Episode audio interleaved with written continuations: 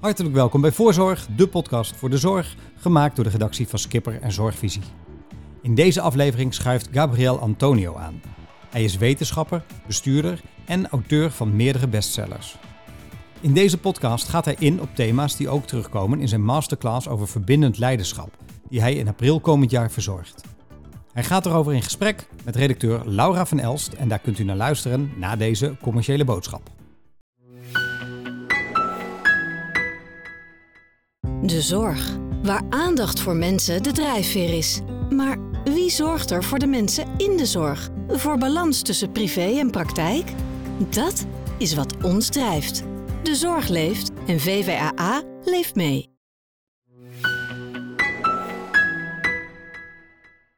Gabriel, van harte welkom. Dankjewel. Nou, allereerst wil ik heel even bij de definitie stilstaan. Hè? Want persoonlijk leiderschap, hier wordt er soms nu een beetje mee doodgegooid, als een heel populair woord is. Maar wat is het volgens jou? Ja, persoonlijk leiderschap uh, zie je veel terugkomen inderdaad. Uh, en soms uh, begint het begrip dan ook al wat te verslijten. en tegelijkertijd is het een ontzettend belangrijk begrip. En wel om de volgende reden, dat als wij nadenken over leiderschap, is het natuurlijk heel lang gegaan over een baas of de baas. Of ehm, ja, iemand die voor de troepen stond, letterlijk. Uit allerlei legerstudies komt het begrip leiderschap, leiderschap tonen, politieke studies. Maar als we in deze tijd kijken, dat heeft het begrip leiderschap eigenlijk een soort emancipatie doorgemaakt. Dus op een gegeven moment had je ook een teamleider bijvoorbeeld, of een teammanager. En professionals, werd professioneel leiderschap werd het genoemd. En ja, in deze tijd zien we het begrip persoonlijk leiderschap geheel terecht veel verschijnen. En waar gaat het over? Gaat over invloed uitoefenen. Leiderschap gaat in zijn kern over invloed uitoefenen. Nu, ik ben uh, heel veel betrokken geweest bij allerlei discussies en ook wel definities op het begrip leiderschap. Ook wel vanuit de wetenschap. En leiderschap was niets anders dan management. En uh, eigenlijk zijn we een beetje die definities voorbij. En ik hou het graag bij het idee dat leiderschap gaat over invloed uitoefenen. Positieve invloed uiteraard, want je wil iets bevorderen. Te beginnen op jezelf, op het mooiste project wat je in handen hebt. En dat is je eigen leven. Ja, dus echt inderdaad die emancipatie meegemaakt vanuit het leger. Nu ook dat hele persoonlijke karakter. Ja. Waarom is het zo belangrijk? Ja, wat je ziet is uh, de samenlevingen uh, die we hebben gekend in uh, Europa, in dit werelddeel, waren voor een deel nog heel hiërarchisch ingericht en nog steeds. En dan krijg je toch het gevoel van ja, wij moeten dan volgen. Je bent een soort moderne of goed betaalde slaaf, om het zo maar te zeggen. En dat idee van dat hele verticale sturen, dat kantelde, waarin we in een tijd zitten naar meer horizontale sturing, meer afstemming. Dus verticale sturing is er nog steeds wel, maar het is meer in balans. En sommige organisaties zijn uh, redelijk plat of Rijnlands ingericht, wordt het ook wel genoemd. En dan komt het er wel op aan dat als je vanuit die autonomie veel ruimte krijgt als arts of als leidinggevende, uh, op een afdeling of een team, dat je, dat je het maximale eruit haalt in je leiderschap. En dat begint gewoon met leiding geven aan jezelf. Hoe, uh, hoe start ik op mijn werk? Hoe geef ik leiding aan mijn eigen project, het leven? En hoe verbind ik dat uh, met de organisatie? Het begint bijvoorbeeld al, hoe bereid je je op een vergadering voor? Dat is niet wachten totdat de voorzitter wat zegt, maar heel bewust, heel actief jezelf voorbereiden. En dat is ook het gesprek met een klant of met een cliënt of een bepaalde doelgroep, dat je daar een zekere mate van regie en autonomie in neemt. En dat betekent ook dat je leiding moet geven aan jezelf. Want als je zelf niet rustig bent, hoe krijg je de ander dan rustig? Dus ook heel erg veel zelfreflectie. Um, ja, je bent ook bijzonder hoogleraar uh, en bezig geweest met sociologie van leiderschap, uh, organisaties en duurzaamheid. Ja, daarvoor uh, ben je ook verbonden aan de Rijksuniversiteit Groningen. Ja, welke inzichten heb je ook vanuit de wetenschap opgedaan? Ja, een aantal wetenschappen die hebben mij enorm vooruit geholpen. Allereerst, ik ben van huis uit ook gedragswetenschapper. Um, en wat mij bijvoorbeeld heeft geholpen is wat we ook wel noemen de innerlijke tafel of de innerlijke dialoog de inner voice. Um, dat vinden we ook terug in verschillende therapievormen, verschillende theorieën vanuit de psychologie. Uh, maar even simpel gezegd, we hebben allemaal een soort innerlijke tafel. En er zitten stemmen aan die tafel. Daar zit soms een stem van de perfectionist aan tafel. Of de controleur, alles in regie houden, alles willen controleren in je leven. Of misschien ook wel de stem van een aanklager of de cynicus. Ja, maar, of dat kun je niet, of daar ben je niet zo goed in. En misschien ook wel een andere stem van de zorgende ouder. Nu, wat is interessant, en door middel van therapie of coaching kun je wat meer zicht krijgen op die innerlijke tafel. Er zijn dus, bewust of onbewust, allerlei geluiden in ons, stemmen in ons, die ons tot bepaalde manieren van denken en gedrag aanzetten. En als jij uh, in een stressvolle situatie komt, dan kan het zijn dat degene die vooral controle wil, heel hard gaat roepen. En je gaat nog harder werken om in een wat chaotische, stressvolle situatie meer controle te krijgen. Of uh, de cynicus of de aanklager, die maakt je heel onzeker. Die zegt, nou, nou wordt het echt spannend, dit kun je vast niet. Nou, hier ben jij niet goed in hoor. En vervolgens meld je je ziek of ga je vermijdingsgedrag uh, vertonen. Dus de psychologie heeft mij heel veel inzicht uh, gegeven in hoe wij leiding geven aan onszelf. En met name ook hoe die innerlijke dialoog ons kan helpen, maar soms ook kan, uh, kan belemmeren. Um, daarnaast is er de sociologie, en dat is ook een van mijn boeken, heeft ook als titel Het leven praat terug. Dus dat is ook de interactie met je omgeving. Want het is niet best als persoonlijk leiderschap in een soort narcistische kokon terechtkomt van ja, je hebt je eigen levensproject en dat moet je vormgeven en het draait alleen maar om jezelf en wat je wil en wat je wensen en je dromen zijn. Dat is de ene helft van de medaille. Dat is natuurlijk je levensproject waar je vorm en inhoud aan mag geven. Maar de andere kant is ook dat het leven terugpraat. Stel je eens voor, je loopt in een landschap en dan kun je jezelf drie vragen stellen. Hoe ziet mijn weg eruit? Hoe ziet mijn leven eruit? Wat zie ik voor me? Zijn dat uh, mooie uitdagende stappen die je kan zetten of zie ik rotsblokken op de weg? Wat zie ik links en rechts uh, uh, naast me? En ik gebruik dat beeld wel eens. Aan de ene kant heb je misschien een stinkend moeras. Dat noemen we ook wel eens de plaats der moeite. Daar waar je tegenop ziet, daar waar je last van hebt. En aan de andere kant van de weg zie je de plek van verbinding. Daar waar je inspiratie, daar waar je energie, daar waar je steun uithaalt. Nou, naar welke plek kijk je het meeste? Welke plek bezoek je? Dan kun je ook nog nagaan in datzelfde landschap van jouw leiderschapsreis. In uh, wat voor seizoen sta je? Er zijn momenten in mijn leven waarin ik in een organisatie kwam en die zat in een herfstperiode, in een crisis. Alle blaadjes vielen van de bomen, het was kil, het werd koud, er was een negatieve sfeer, hoog ziekteverzuim. Ja, dan moet je je tot dat seizoen verhouden, ook in je persoonlijk leiderschap. Dan moet je een iets dikkere jas aan doen, want anders krijg je het zelf koud. Dus ja, persoonlijk leiderschap en je daar heel bewust in ontwikkelen. Ja, ik gun dat uh, eigenlijk iedereen. En of het dan gaat om privéomstandigheden of professioneel werk doen of een formele leidinggevende positie. Ik denk dat daar een aantal universele principes in de psychologie, maar ook in de sociologie, in de interactie. Hoe gaan wij om met elkaar? Wat leren we van elkaar zitten die ons uh, verder helpen? En zeg balanceren tussen die innerlijke stemmen en aanpassen ook aan de context als leider? Jazeker, het leven praat, uh, praat terug. Om een klein voorbeeld te noemen. Um, uh, we hebben twee prachtige kinderen en onze zoon uh, woont nog thuis vanwege een verstandelijke beperking en autisme. Hij heeft het leeftijdsniveau van een kind van nog geen drie, even voor het beeld. En wij praten dus niet in woorden, maar in, ehm, in gebarentaal. En um, nou, ik was een keer met hem aan het, aan het wandelen en ik had zijn laarzen aangedaan en zijn jas en zijn muts. Het was herfstig. We liepen in dat seizoen, dus we waren er helemaal op ingericht. En we liepen zo in het bos en op een gegeven moment ging hij achterstevoren lopen. En ik vulde helemaal voor hem in dat dat te maken had met zijn autisme en uh, dat hij zich daarom anders gedroeg dan normaal. Dus ik corrigeerde hem om recht te gaan lopen. En even later ging hij weer achterstevoren lopen.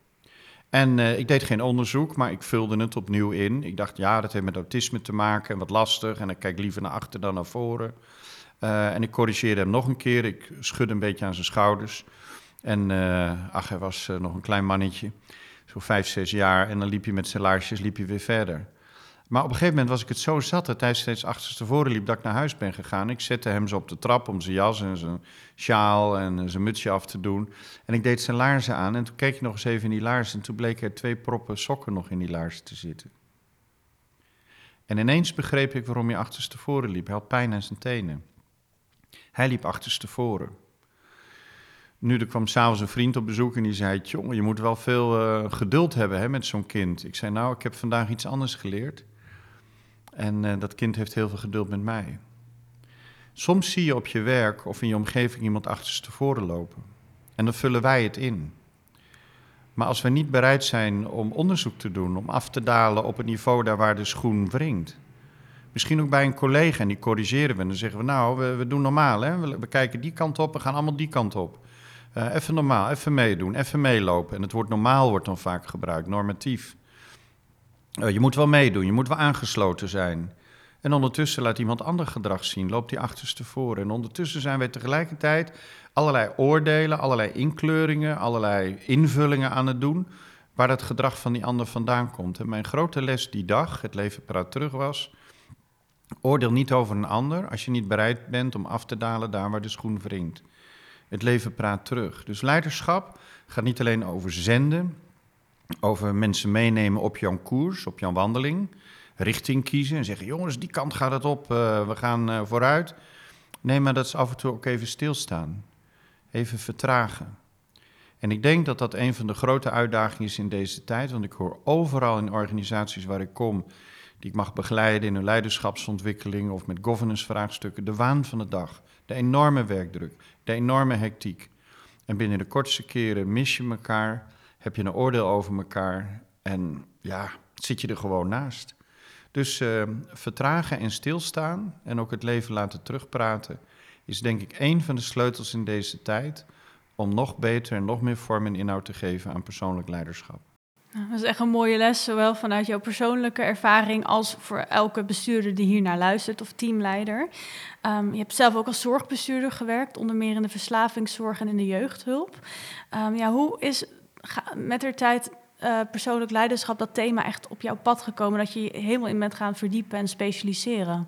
Ja, eigenlijk is het thema persoonlijk leiderschap, hoe lang is dat uh, geleden? Zo'n 40 jaar. Je denkt gelijk over je leeftijd, hoe oud ben ik ondertussen? Zo'n 40 jaar eigenlijk geleden wel op mijn pad gekomen. Ik werkte in de jeugdzorg, in de crisisopvang bij Stichting Timon in Utrecht. Ik werkte ook veel op Hoog Katerijnen. En daar waren jongeren die al één of twee jaar dak- en thuisloos waren en daar aan het overleven waren. In die overdekte sfeer, wat toen Hoog Katerijnen was, dat is later, wat ze zeggen, helemaal schoongeveegd. Er waren veel dak- en thuislozen. En toen ik net als jonge hulpverlener begon, vond ik dat eigenlijk wel heel sneu. Jongens en meisjes die op straat zwierven, in prostitutie of in verslaving zaten, of combinaties daarvan. En tegelijkertijd, naarmate ik daar onderdeel werd van die scene, van die gemeenschap, in Hoogkaterijnen met zijn gelaagdheid, uh, van prostitutie tot dealers, tot... Uh, er zat ook een pedofiel netwerk, er gebeuren allerlei hele onfrisse dingen daar in die omgeving. Maar goed, ik werkte daar als hulpverlener op donderdag, vrijdagavond was ik daar ook vaak. Dat heette toen nog Outreach en Jongerenwerk. Uh, en ik bezocht, bezocht daar ook wel cliënten die bij ons in de crisisopvang kwamen in Utrecht. Ik heb toen ook wel eerst zo wat stille bewondering gekregen voor jongeren die aan het overleven waren op straat. Naast dat ik dacht, ja, wat sneu en trauma's, beschadiging, misbruik, verslaving, psychiatrische aandoening. Je zag de kwetsbaarheid, maar je zag ook de kracht. En persoonlijk leiderschap heeft zich eigenlijk vanaf die periode in mijn leven ontwikkeld. Dat ik dacht, ja, ook als hulpverlener, ik moet het niet overnemen, maar ik moet kijken naar wat werkt. Naar de vitaliteit, ook van deze jongeren.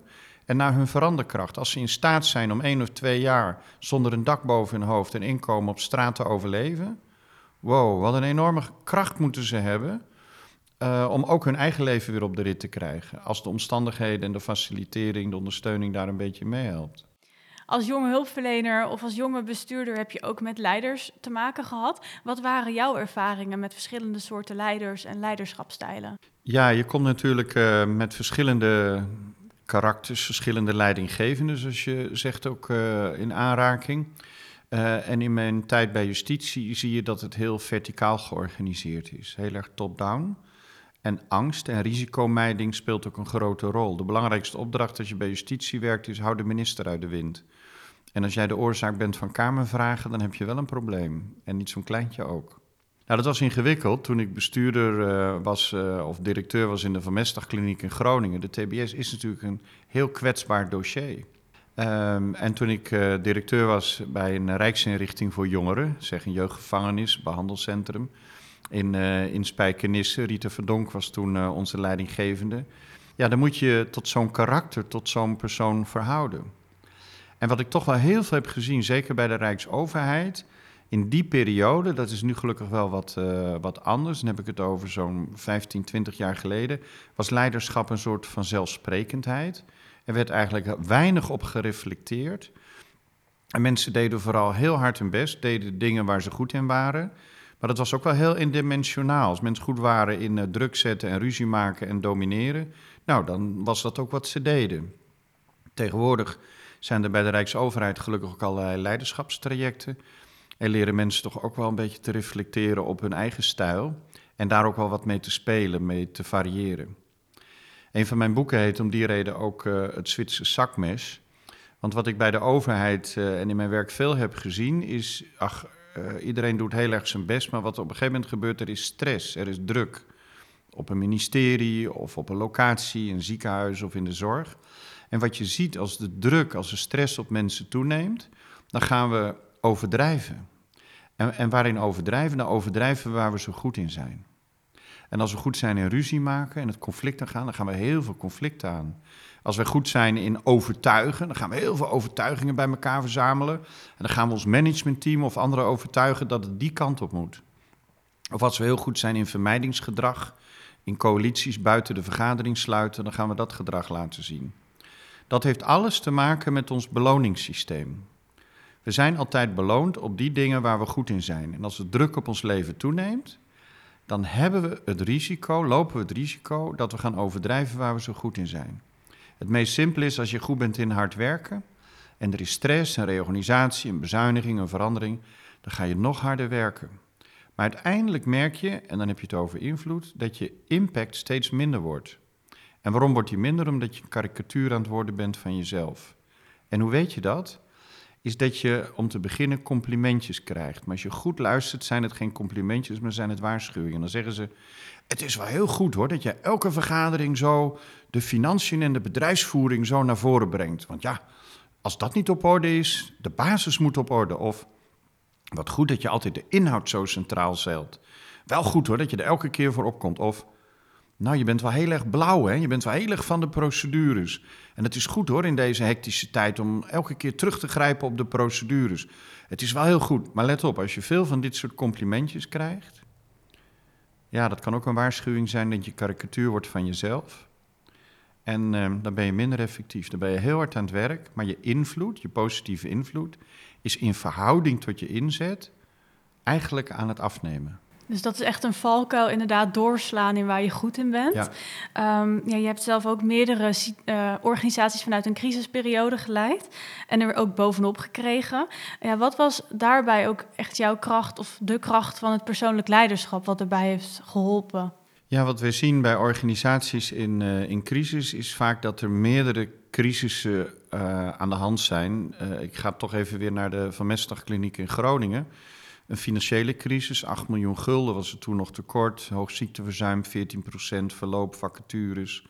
En uh, allerlei aanwijzingen voor niet-integer gedrag. Uh, dus grensoverschrijdend gedrag. En er waren ontsnappingen. Twee uh, zijn er ontsnapt in die periode. 97 heb ik het over. En er waren ook een aantal suicides. Dus aan alle kanten stond die organisatie enorm onder druk. En wat je ziet is, dat is dan de beschreven crisis. Daar werden ook kamervragen over gesteld. En later heeft Donner op een, op een prima manier ook uitleg gegeven aan het TBS-stelsel. En ook dat dit van alle opties uh, toch de beste vorm is en blijft. En het kan altijd beter. Uh, maar wat we intern zagen is dat eigenlijk de daadwerkelijke crisis zat in het contact, de desintegratie, de disconnectie. En ik denk waar ik altijd op ingezet heb en, en ook wel wat mij uh, teruggegeven wordt, is dat ik heel sterk heb geïnvesteerd in de kwaliteit van het contact. Bij leiderschap, en zeker in een crisisperiode, proberen we mensen altijd rationeel te overtuigen dat het anders moet. Nou, dat gaat je tot op zekere hoogte lukken, maar mensen hebben altijd een eigen rationele autonomie. Dan gaan we ook emotioneel mensen proberen te overtuigen. Je moet meedoen, je moet loyaal zijn. Uh, tot op zekere hoogte gaan mensen mee in het gevoel. Echter, dat is toch een hele beperkte beïnvloedingsruimte die we daar hebben. Wat veel sterker is en wat vaak wel verwaarloosd wordt, is dat de sterkste beïnvloedingsruimte zit in de kwaliteit van het contact. En ik gebruik vaak deze slogan: als je het goed hebt hier, kom je veel makkelijker daar. Even een heel praktisch voorbeeldje. Als je het gewoon lekker hebt in je relatie en in je gezin, dan weet je binnen een week waar je met elkaar op vakantie naartoe wil. Maar als er spanningen zijn in je relatie en ook met je kinderen, dan kan het wel twee, drie maanden duren voordat je uitgediscussieerd hebt waar de vakantie naartoe gaat. En als de relaties onderling niet goed zijn, als je niet goed hebt hier, ja, dan kom je veel moeilijker daar of je weet niet eens wat daar is. En dat was in de Mestdagkliniek ook zo. Er waren allerlei verschillende ideeën hoe de crisis in die periode moest worden aangepakt. Ik heb dat zeker in mijn beginperiode, de eerste maanden ook aangehoord, maar mijn sterkste interventie die ik kon doen, was dat ik uit dat voorgebouw ging, de afstand tussen de medewerkers en ook tussen de, mij en de patiëntenpopulatie, en dat ik als directie een kantoor nam midden in het gebouw, met een open deur. Nou, in de TBS is dat nog wel een puntje. Mijn voorganger, een van mijn voorgangers, Van Marle, is daar gegijzeld. Was niet zo ver bij die plek vandaan waar ik mijn kantoor heb genomen. Maar ik nam een kantoor in een wat kleinere, uitgebroken cel. Die had een extra zijbeuk. Uh, daar kon ik ook mooi mensen even ontvangen. Het was niet een grote ruimte. Um, maar ik zat dus midden in het patiëntencircuit. Uh, ik, ik begaf me elke dag tussen de medewerkers. En ja, ik heb, ben acht jaar directeur geweest in de Mestdagkliniek en ik heb daar een fantastische tijd gehad. Ik heb niet één keer een dreiging of een gijzeling meegemaakt. Deze beweging, dat is de investering in de kwaliteit van het contact. En van daaruit ontvouwt zich stuurgroepen, werkgroepen, met ook patiënten, uh, met medewerkers nadenken over hoe kunnen we de veiligheid verbeteren. Hoe kunnen we de kwaliteit van zorg verbeteren? Hoe kunnen we het humaner maken? Iets met sport, iets met dierenverzorging, iets met creativiteit, iets met arbeid, iets met scholing. Nou ja, gaandeweg hebben we zo van binnenuit de Mestigkliniek opnieuw kunnen opbouwen. Maar het begint altijd met de kwaliteit van het contact. Allemaal verschillende tips die je al gaandeweg het gesprek hebt genoemd. Um, ja, welke tips heb je nog verder voor de luisteraar die denkt... ja, dit wil ik ook echt in de praktijk gaan brengen, persoonlijk leiderschap? Ja, er zijn verschillende tips, maar ik denk eventjes aan het volgende. Um, ik heb uh, een ontzettende lieve dochter en een, uh, en een lieve zoon. En mijn dochter die zei een keer tegen mij: Papa, ik wil niet meer naar verjaardagsfeestjes toe. En ik zei: Waarom niet? Ze zei: Nou, papa, als ik op een verjaardagsfeestje ben, dan word ik alleen maar economisch gestript. Wat een waardeloos gesprek heb ik. Hoe gaat het op school? Wat wil je laten worden? Wat denk je te kunnen verdienen? Heb je een vriendje? Uh, dan de vraag: wat doet dat vriendje? Wat doet die vader van dat vriendje? En ze zegt: Ik vind dat zulke waardeloze gesprekken. En wat ik uh, de luisteraar en iedereen gun, is wat meer waardevolle gesprekken, zeker in deze tijd. En hoe kom je op een waardevol gesprek? Dat je af en toe de vraag stelt: wat houdt je bezig? Wat heeft je geraakt? Want in verbinding komen en investeren in de kwaliteit van het contact gaat altijd over de geraaktheid. Nu, als je in je persoonlijk leiderschap op zoek gaat naar de geraaktheid bij de ander, let op, iemand komt met een verhaal, je wordt zelf ook geraakt. En je hebt ineens een gesprek van hart tot hart. Dat is ook wat ik leiders in organisaties gun. We vergaderen heel wat af. We zijn vaak met problemen, met zoektochten naar oplossingen bezig. Moet ook gebeuren. Maar waar zit, waar zit de verbinding? De verbinding zit in de geraaktheid. Dus in het persoonlijk leiderschap doe eens een ontboezeming. Vertel je mini-story aan je MT en zeg: Nou, ik was vorige week op een afdeling. En toen ontmoette ik een patiënt. En wat, wat mij zo raakte in het verhaal, dat die patiënt zei: Dankjewel, ik kan voor het eerst rustig slapen. De behandeling heeft mij zo geholpen. En weet je wat slaap voor mij betekent? Ik heb al een paar jaar niet meer geslapen. En dat je dat verhaal meeneemt in je MT-vergaderingen, dat je zegt: We hebben het hier over kwaliteit en een kwaliteitsdocument. Met allemaal vinkjes en checks en balances. En alle kwaliteitsdiscussies die daarbij horen. Maar weet je wat de patiënt aan mij vertelde, wat kwaliteit is? Ik heb dankzij de behandeling en de kliniek waar ik een tijdje mag verblijven, voor het eerst weer goed geslapen. Dat heeft mij enorm geholpen en dat heeft mij geraakt. Dus ik, ik gun iedereen in deze tijd verbinding en ontmoeting op het niveau van de geraaktheid. En ik geef je graag als tip mee om daar wat vaker thuis, ook de geraaktheid in jezelf, het gesprek met jezelf, maar ook op het werk daar wat vaker het over te hebben. Want daarmee versterk je de samenwerking en leer je elkaar ook nog een keer beter kennen. En het zijn bijna altijd inspirerende en mooie gesprekken. Is dat ook de reden dat je zelf, als jij bijvoorbeeld een masterclass of een lezing geeft, dat jij ook altijd zelf vanuit een persoonlijk verhaal begint? Ja, ik gebruik naast wetenschappelijke en praktijkervaring, uh, doe ik ook veel met storytelling.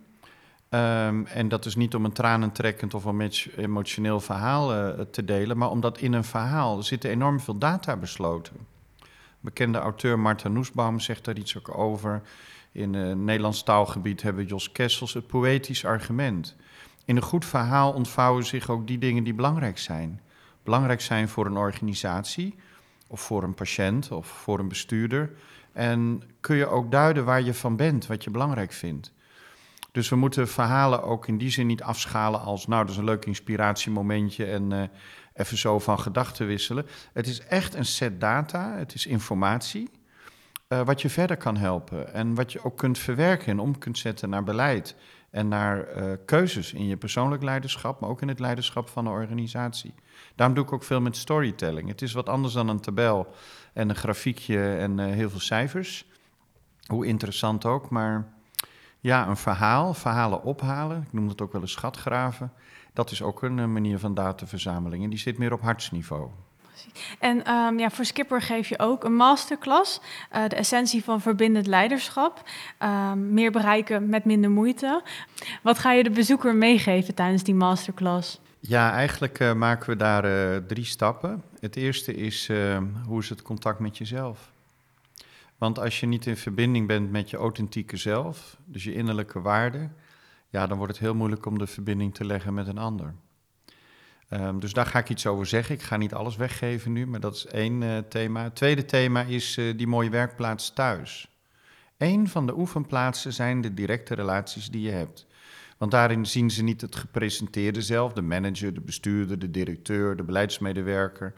Nee, daar, daar, daar ben je veel dichter bij je authentieke zelf. Uh, en dan krijg je ook de meest interessante feedback of regieaanwijzingen. Van je levenspartner, van je puberzoon of dochter of van je familie. Uh, dus daar zullen we kort bij stilstaan om ook de thuissituatie als werkplaats te zien. En dan die veel grotere cirkel, die organisatie en samenleving heet. En hoe je daartoe verhoudt en hoe je ja, ook, ook kunt werken in de vorm van co-creatie. Dat je in je leiderschap niet alleen maar bezig bent te zenden, maar ook te ontvangen. En juist in die dialoog echt veel makkelijker en veel sneller vooruit komt dan dat je vanuit een blauwdruk, een model denkt, nou ik heb een idee en nou ga ik mijn team meenemen. Want een van mijn stellingen is, en ik heb er ook wat onderzoek naar gedaan, leiders nemen een organisatie niet mee de toekomst in. Het is andersom. Grote leiders brengen de toekomst bij de organisatie. En hoe doe je dat? Door persoonlijk leiderschap, door het zelf te laten zien. Als jij vindt dat de werkdruk hoog is, dat te veel medewerkers leven in de waan van de dag, dat er een hoog ziekteverzuim is, wat doe jij zelf? Ben je nog s'avonds aan het mailen? Overlaat je mensen met werkgroepen en nog meer vergaderstukken? Wat laat je in je eigen gedrag zien? Vind je het stoer dat je maar zes uur slaap per nacht nodig hebt? En dat je bekend staat dat je elke avond doorwerkt? Of breng jij de toekomst van meer gebalanceerd leven en werken dicht bij de organisatie door het zelf te laten zien? Als wij nadenken over persoonlijk leiderschap, dan zou ik ook nog graag aan de luisteraar dit willen zeggen. Iedereen is in wezen expert. Heel veel antwoorden om de volgende stap te zetten in je leven, die zijn er al. Alleen je ziet het nog niet. Dus een masterclass over leiderschap en leiderschapsontwikkeling gaat niet zozeer over kennis, maar gaat ook vaak over bewustwording. En ik daag je uit om als expert ook na te denken over de volgende stap. Nou, tot zover even een kleine proeverij van wat eh, de deelnemers aan die masterclass nog te wachten staat. Ja, dus dat is een, ook een belangrijke oproep, ook een belangrijke tip gelijk. Gabriel Antonio, ontzettend bedankt voor je verhaal, uh, persoonlijke inzichten, ook de waardevolle lessen waar bestuurders zelf mee aan de slag kunnen. Bedankt voor je komst. Graag gedaan. Ik wens iedereen een heel goede vervolgreis in jouw persoonlijk leiderschap in de context waar je leeft en werkt. Het gaat je goed. Tot zover deze aflevering van Voorzorg. U hoorde Gabriel Antonio, die werd geïnterviewd door Laura van Elst. Zij verzorgde ook de montage van deze podcast. Wilt u vaker luisteren? Dan is het handig om u te abonneren. Voor nu in ieder geval hartelijk dank voor het luisteren en heel graag tot de volgende Voorzorg.